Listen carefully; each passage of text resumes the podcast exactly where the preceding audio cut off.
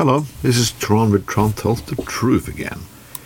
The war in Europe is starting to be, yeah, a little different than we expected. Now the Russians are fleeing. They are fleeing because they don't want to take part in the war. I do understand you people who flee. War is not fun. It's not fun to kill. But employing killing is more fun. When Putin was invading Ukraine, there was not many protests against the regime's politics. When, when, when Putin tried to bash gays, nobody gave a shit. When he cut down on freedom of expression the newspapers and so on and so on, the list is very long. There were not everybody who complained.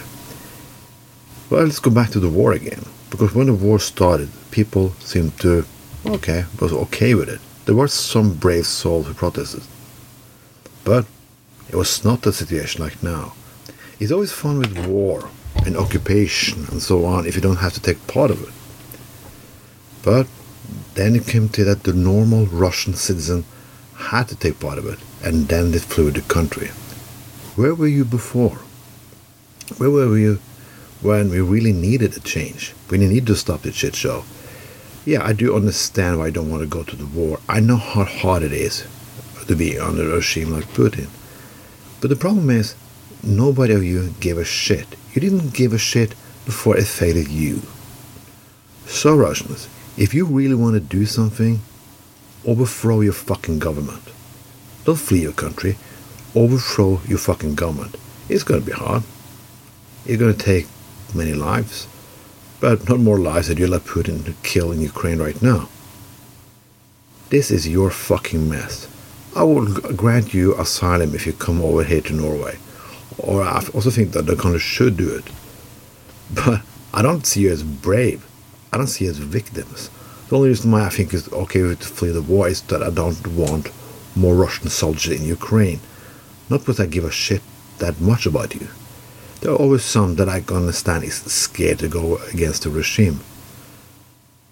And those people I'm applauding. But most of you who know what out, you didn't care in the first place. You didn't give a shit. This is the rule not only by Russians. I can say that this is the rule by anyone. Nobody gives a shit as long as it affects them personally. We're going to see that in climate change and wars and so on in in the future because there's going to be more climate change, more wars, and more shit.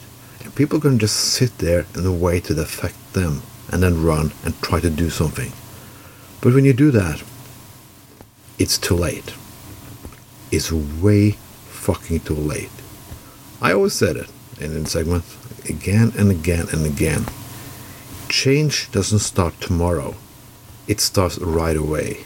If you want to do something, you, and you're thinking about it, well, don't think too long. Do some action. Alone, with other people, and so on. Change never comes without sacrifice. A lot of people that today doesn't know what that word means. All the labor laws you have now is because of sacrifice. Every good you have in your fucking life or right or something is of sacrifice. A lot of people talk about there was a constitution against this and blah blah blah. That's never right. People bl- shed blood for the constitution, the right to to have the right in the law.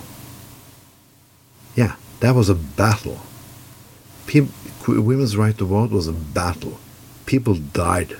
Now I'm asking you Russians to fucking die for humankind. Go against your own fucking government and get it fucking over with. So maybe after that, we can come together and create a better world. This is Tron, Tron tells the truth. Have a nice day.